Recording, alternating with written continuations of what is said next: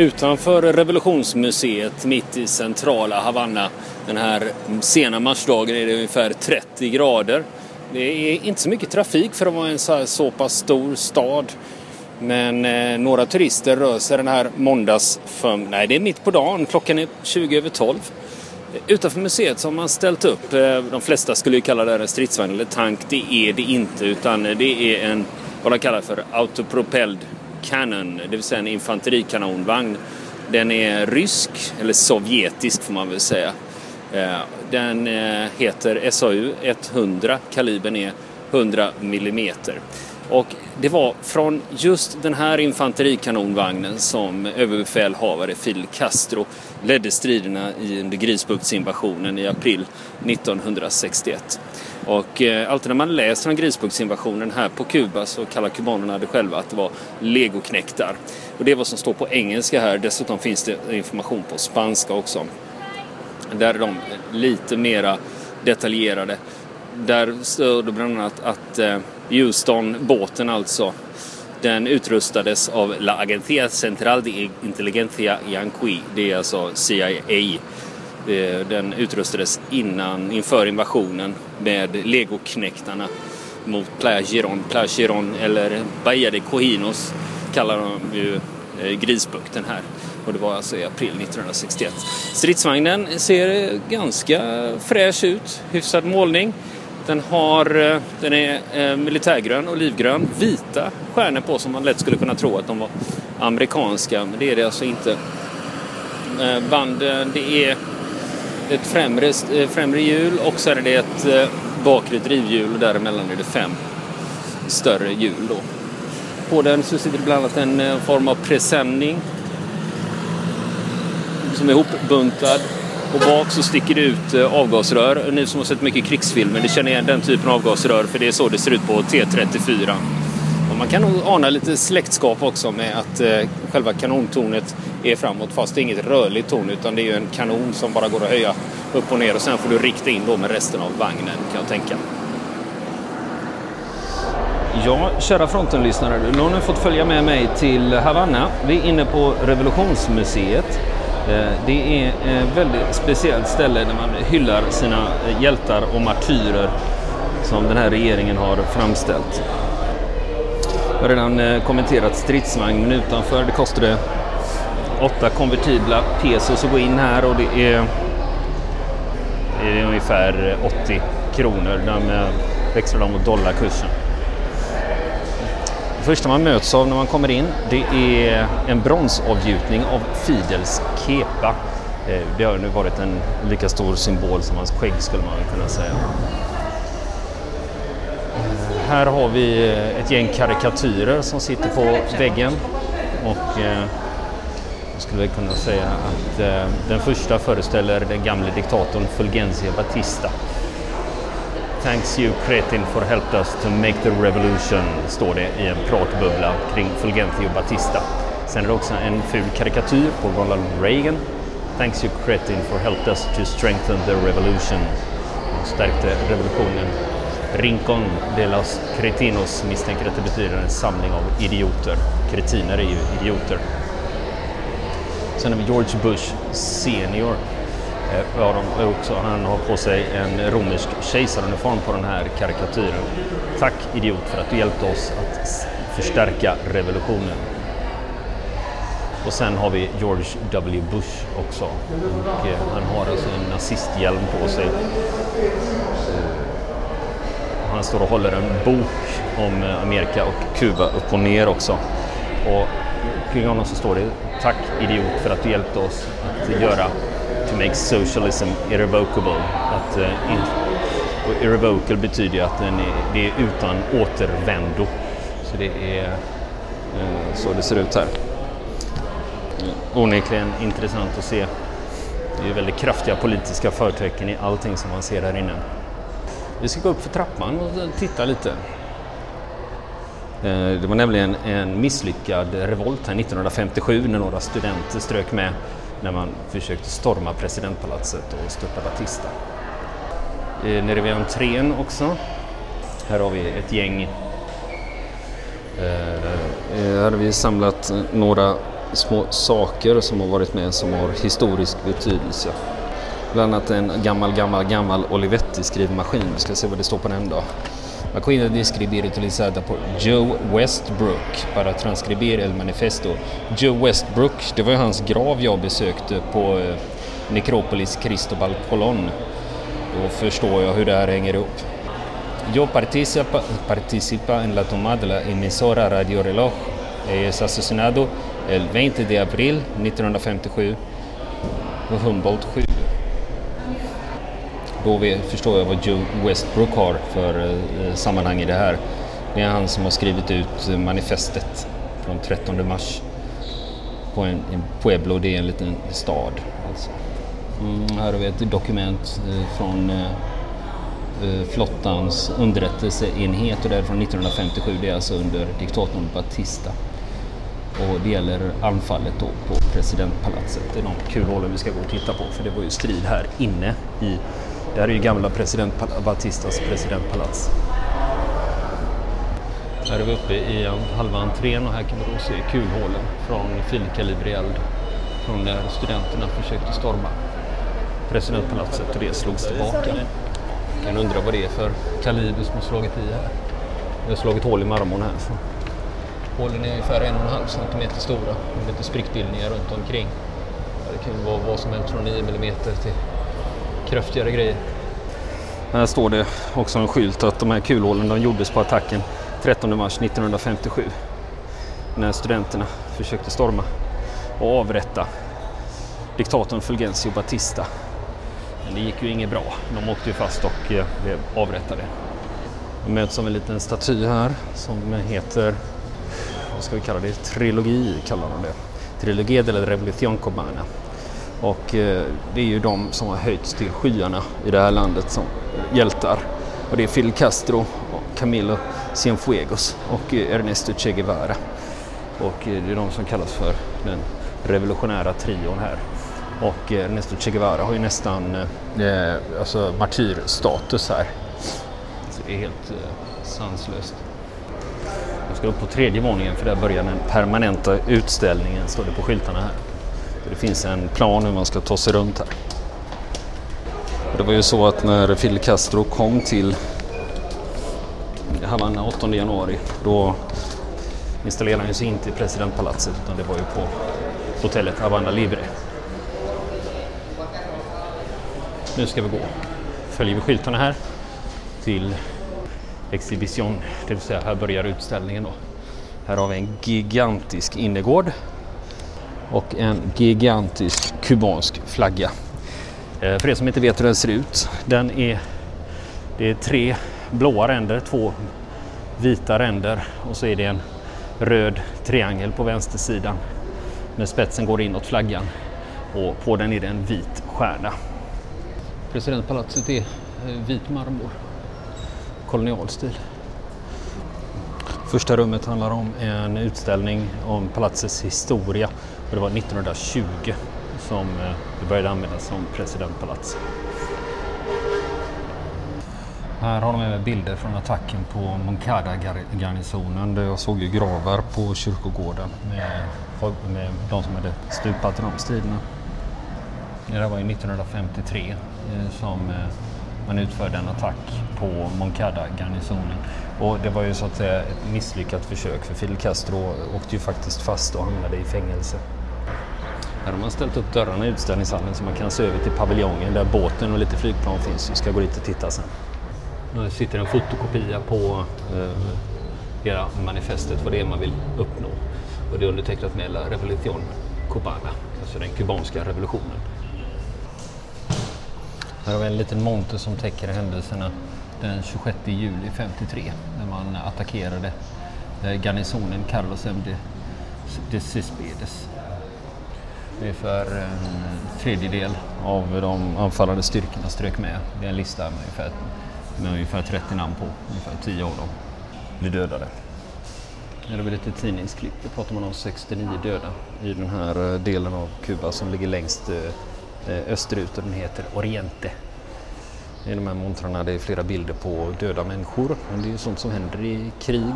Det är även, framförallt är det bilder på deras egna stupade Eh, för att de ska hyllas. Det finns ju vissa, eh, en viss eh, bit av martyrskap i det här. Här har vi en skjorta från soldaten Boris Luis Sande Coloma. Han tog part i attacken den 26 juli mot garnisonen. Han greps och mördades efter det. Uh, här finns det också en medalj. Det är en Medal of Honor. Uh, kallar de den själva här. Det är soldaten Julio Labagno.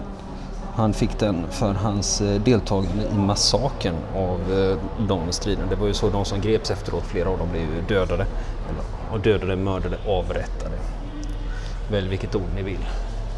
Men eh, det gav tydligen medalj då när man deltog i den avrättningen. Det är en del folk som knallar omkring här inne på museet i smågrupper. Majoriteten av dem är spansktalande och det vi har tittat på nu det är ju vad som hände innan 1956. Framförallt striderna 53 då när Castro åkte fast. Han satt ju i fängelse två år innan han stack till eh, Mexiko för att organisera. Här har vi eh, bokaffär också. Det kan vi gå in och kika på och se om vi har något. Mm. mm Bokaffären var mest spanskspråkiga böcker. Ingenting för mig alltså. I nästa rum så är vi framme vid 1955 när Fidel Castro släpps ur fängelset. Montrarna består av dokument, fotografier, kartor och även eh, artefakter, alltså minnessaker som haft betydelse i historien här. Mm. Nästa rum handlar om vad som händer fram till 1956 när det faktiskt sker flera olika försök att störta diktatorn. Men det eh, går inte så bra för de olika revolutionära grupperna. Det var inte bara en rörelse, det var ju flera. Så det var ju lite rörigt i början där innan de lyckades samla ihop sig. Här har vi en stor karta som visar var eh, båten Gran var. det var ju så att eh, Fidel Castro och de andra revolutionärerna samlade ihop sig i Mexiko, köpte en båt som heter Grandma. det var en amerikansk jakt, vi ska gå och titta på den. Eh, 26 november 56 lämnar de Tuxpan i Mexiko och de kommer fram till Kuba den 2 december 1956 och stiger i land. Och det gör de nere på sydöstra Kuba, i Leyenda. 30 mm, november så har de även noteringar här om att eh, de genomför en attack på eh, 30 november. Då var ju fortfarande båten ute till havs. Den genomfördes attacker inne i staden Santiago som ligger ganska nära där de steg i land. Det var bland annat på polisstationen. Det är flera polisstationer som blivit attackerade i Santiago. Här har vi en order till chefen för flygvapnet, det kubanska flygvapnet, när han får ordern att försöka hitta båten Granma som är på väg. Så det kände de till tydligen, att den var på väg mot Kuba. Här ligger sextanten också från eh, båten Granma. Här är vi inne i nästa rum, det är framme vid året är 1958. Jag ska läsa mer om vad som har hänt innan dess. Men, eh, här finns det en karta över centrala och östra Kuba. Det handlar om vilka olika eh, grupper det var som höll olika områden.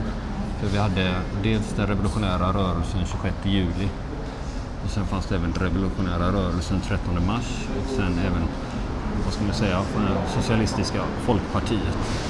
Och sen fanns det också Front National från Escambray. Så det var flera olika grupper. Här har man även byggt upp ett diorama över slaget vid El Overo. Det var 28 maj 1957 anfaller ett gäng byggnader. Mm. Här ligger också en kniv, det ser ut som en K-bar. Det står att det är en kommandokniv som användes av Camilo Cienfuegos när de var i Sierra Mestra i bergskedjan. De höll ju sig undan där i två år innan de lyckades organisera ett anfall in mot centrala Kuba. Här skriver de om eh, första attacken på en liten garnison i La Plata som ligger i bergskedjan Sierra Mestra. Det var första segern. Och det gjorde att de uppmärksammades ganska stort. De var ju inte så många till att börja med. Mm. 1956 till 1958 präglades ju av grillakrig med Sierra Maestra som bas. Eh, de egentillverkade granater, en som kallas modell 26 som rebellerna själva tillverkade.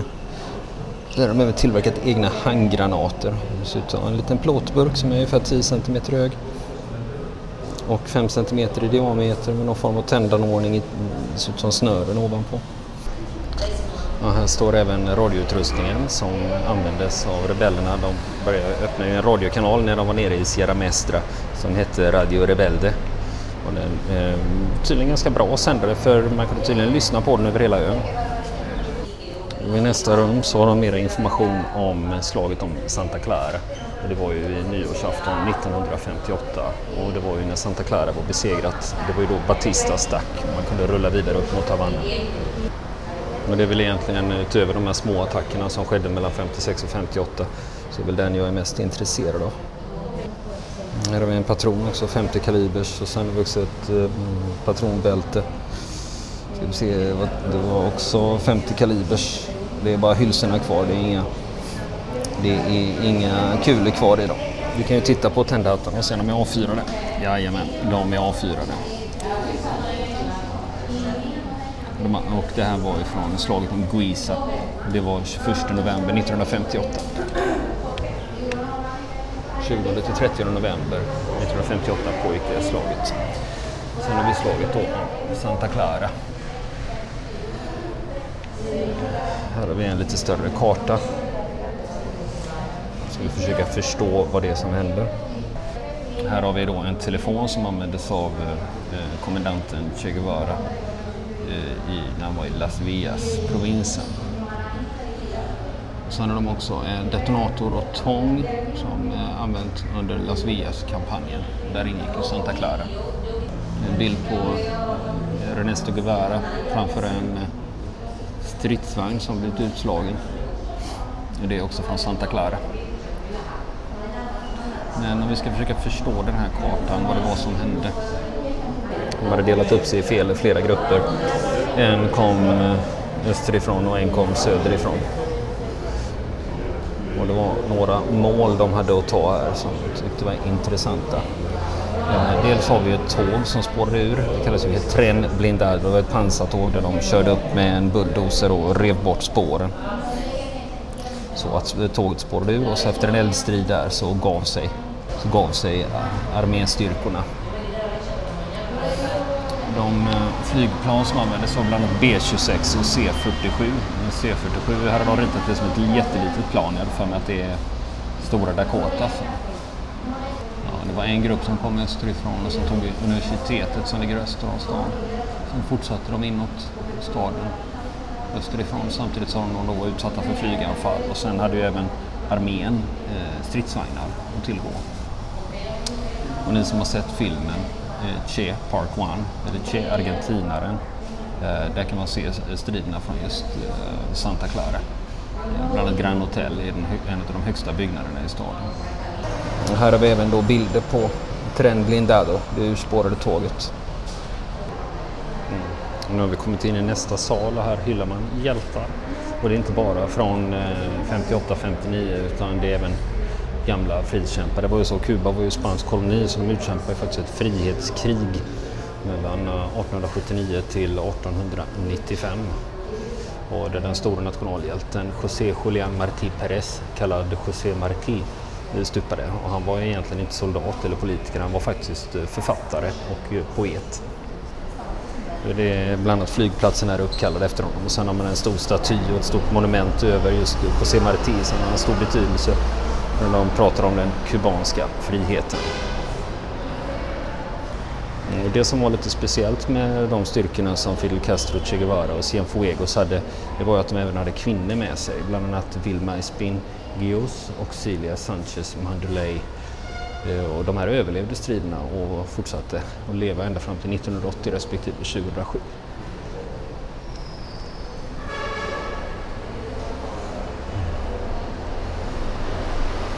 Och det är de tre personerna som brukar framhållas som segrarna.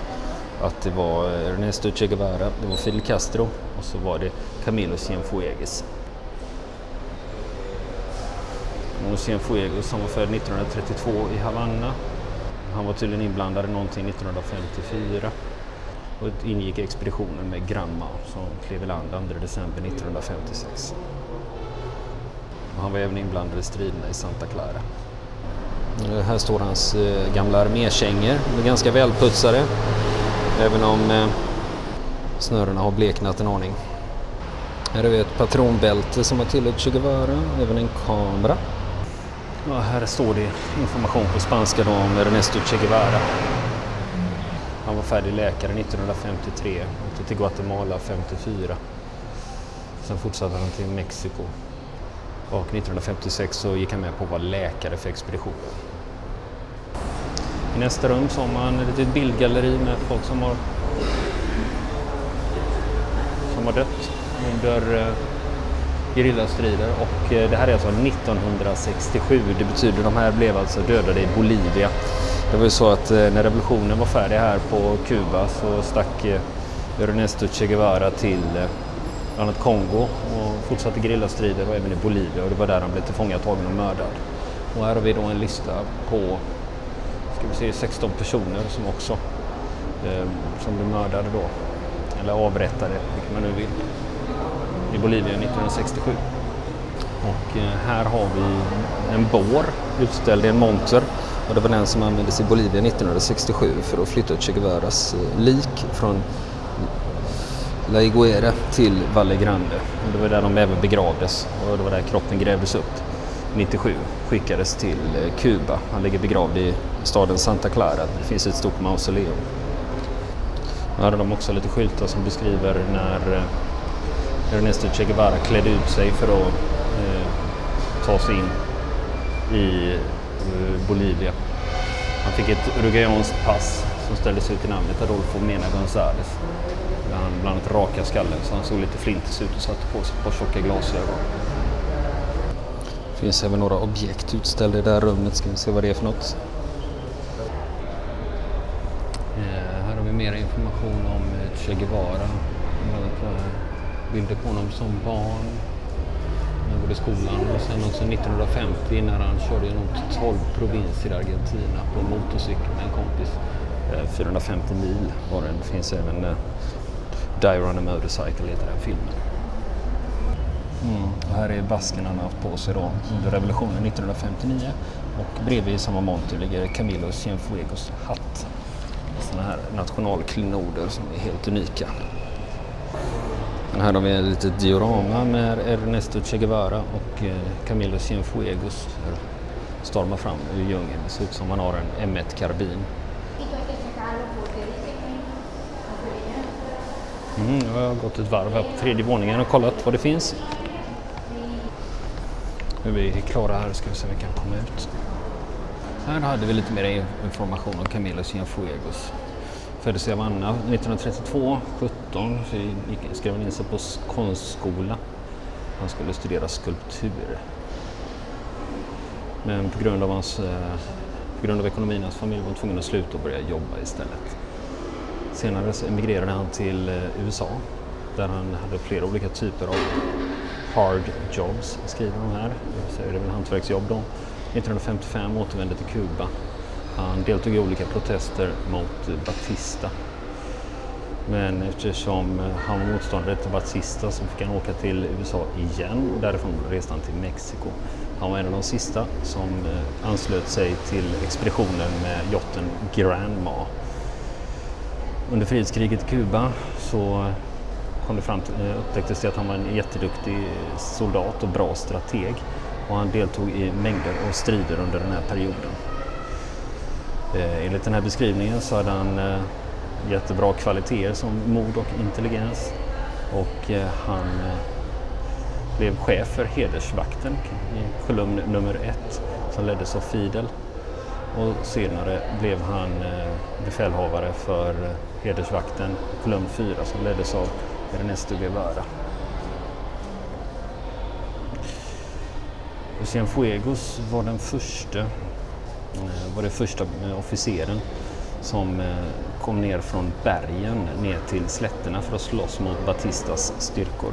Och när han, när han klarade det på ett utmärkt sätt så blev han utsedd till, ska vi se här, commander står det här, nu ska vi se vad man kallar det för, kommendante på spanska då. Precis. Och det var 16 april 1958. Tillsammans med Guevara så fortsatte han eh, striderna och efter segern 1 januari 1959 så blev han chef för flygvapnet, flottan och armé, arméstyrkorna i Havanna-provinsen. Chef för arméhögkvarteret. Han avled 28 oktober 1959.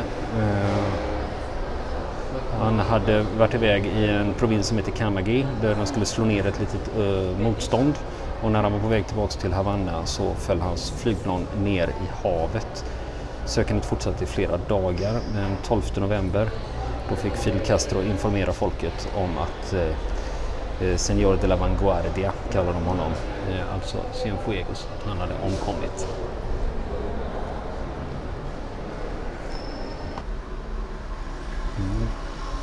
Nu har jag kommit in i ett annat rum här och nu handlar det om Grisbukten. B26 som flögs av legoknektar och de hade emblem från den revolutionära armén på sig. De attackerade flygplatsen i Santiago och två eh, flygbaser i Havanna. Målet var att slå ut det kubanska flyget innan eh, själva invasionen satte igång i Grisbukten. Mm. Här har vi en karta över eh, Playa de Giron, eller Bahia de Cochinos som det också kallar. Nu ska vi se här vilka som är vilka. Det är röda pilar och blåa pilar. Och eh, de blåa pilarna det visar ju eh, invasionsstyrkorna då som gick i land i Playa Larga som ligger längst in i bukten och sen även i staden Playa Giron. Eh, stad och stad, ja, by i alla fall. Där gick man i land och det var ju det man kom ju med båtar då, bland annat Atlantic, Ria Escondido, Blagar, Caribe och Barbara och Houston. Och Houston det var ju den som eh, Fidel Castro sköt på med eh, infanterikanonvagnen som står här utanför. Striderna pågick där nere i tre dagar. Här ligger det även då kläder från stupade soldater. Mm, här står det även då resultat av eh, striderna, hur många som stupade. Det var 156 eh, skadade eh, kubanska soldater och 800, 156 döda, 800 skadade. Och eh, på motståndarsidan var det 90 som dog och 200 skadade. 1197 togs till fånga. Här hänger det även medaljer och eh, eh, den heter La Medalla Commemorativa Victoria de Playa Giron. Det är ju minnesmedaljen då för de som deltog i striderna där. Sen finns det också eh, eh, ytterligare en medalj som heter Plageronorden. och den kan kubaner eller utlänningar få eller till och med regeringschefer och, eller regeringar som eh, är duktiga i att strida mot imperialismen och eh, kontrarevolutionen. Här har vi dessutom emblem som togs av de så kallade legosoldaterna. Nästa rum handlar om, handlar om Kubakrisen 1962. Man skulle installera eh, kärnvapenmissiler på Kuba. Det var oktober 1962.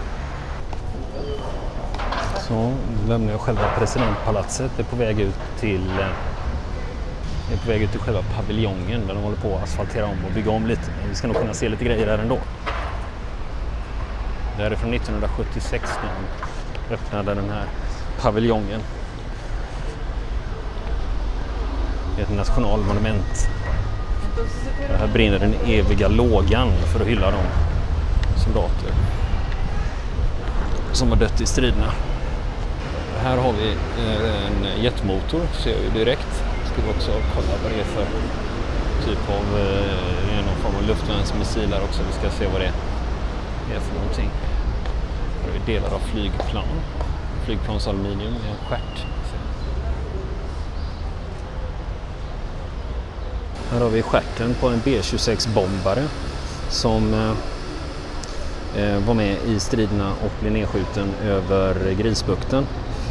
Och det var faktiskt en eh, amerikansk pilot vars lik stannade kvar på Kuba i 19 år eftersom USA vägrade erkänna att det var en amerikansk medborgare som hade deltagit.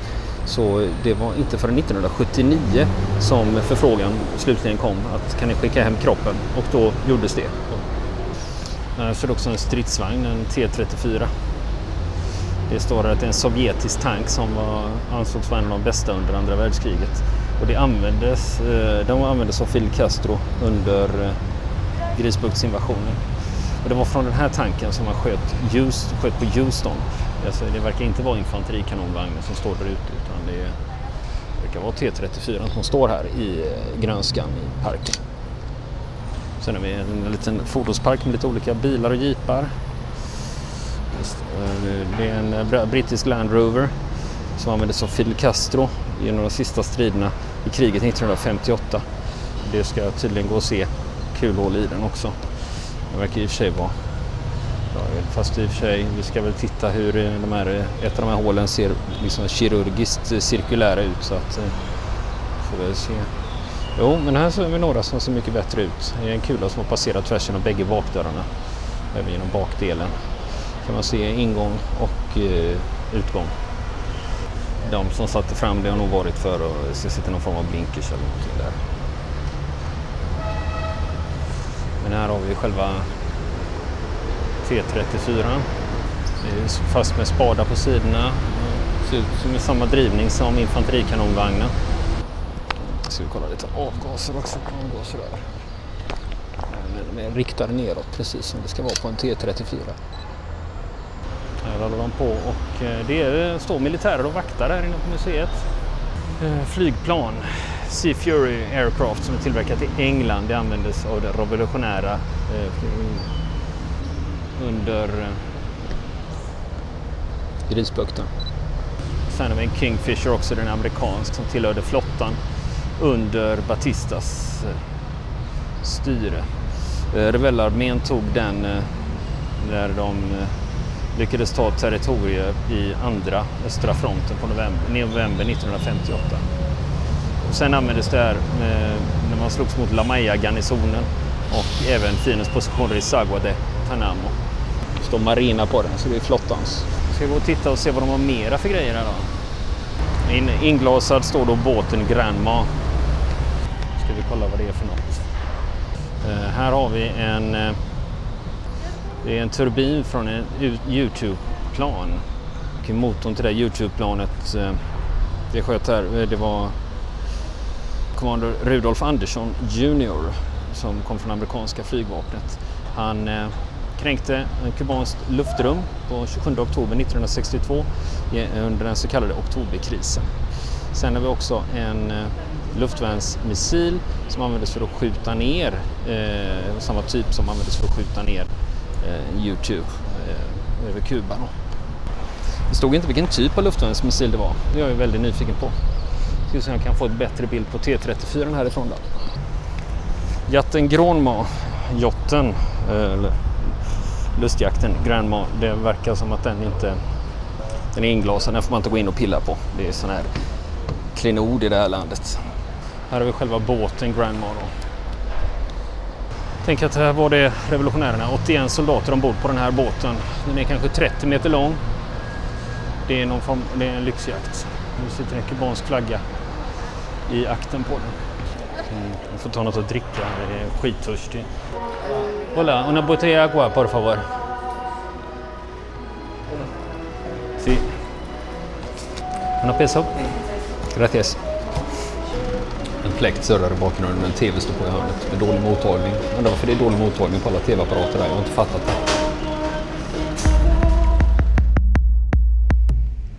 Stadsdelen Vidado ligger väster om Havannas centrala delar. Den är intressant ur några olika aspekter. Bland annat är det i den stadsdelen som hotellet Havana Libre ligger, det som tidigare hette Havana Hilton innan revolutionen 1959.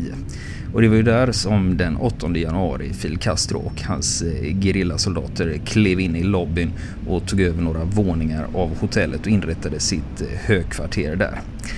Efter att de hade haft sitt högkvarter där. Då flyttade de längre bort i Vidado och Fidel Castro eh, skaffade sig ett högkvarter som ligger. Eh, den gatan jag är på nu heter La Linea. Det är en gata där det förut har gått spårbunden trafik men det gör det inte längre utan nu är det trefilig gata i varje riktning. Ingen spårbunden trafik utan bilar och bussar och cyklar och hästdragna kärror är det som gäller. 200 meter härifrån på andra sidan gatan ligger det ett grottkomplex. Eh, det är ett eh, militärområde som är avspärrat. Det står vakter i alla hörn och det står även skyltar både på spanska och engelska att detta är ett militärt område. Det får inte beträdas. En kuban jag pratar med här i området han säger att det här högkvarteret som ligger här borta det var Castros högkvarter efter att han hade flyttat ut från Havana Libre. Och det gick mängder med rykten om det här militärkomplexet. Bland annat att det skulle finnas flera sorters djur där inne. Bland annat skulle det vara som ett helt zoo där inne, så pass mycket djur. Eh, det syns inte så mycket utifrån där utöver att en stor telekommunikationsmast eh, sticker upp en bra bit eh, från taket. Men utöver det är det anonymt och slitet som överallt annars här i Havanna. Jag är som sagt i stadsdelen Vedado och längre västerut i nästa stadsdel, den heter Miramar och det är där Kubas högdjur bor. Bland annat är det där som den kände höjdhopparen Sotomayor ska bo och även andra kända kubaner. I Miramar så finns det ett större militärkomplex och eh, enligt en kuban jag pratar med här så är det inne på det här militärkomplexet som Fidel Castro bor. Det är ju nämligen hemligt var han bor. Det finns ju ingen som vet riktigt var han bor. Vill ni komma i kontakt med oss så kan ni göra det via vår Facebook-sida som heter Fronten. Det är inga problem för er att leta er fram där. Eller också så mejlar ni på vår mejladress och det är frontenpodcast.gmail.com.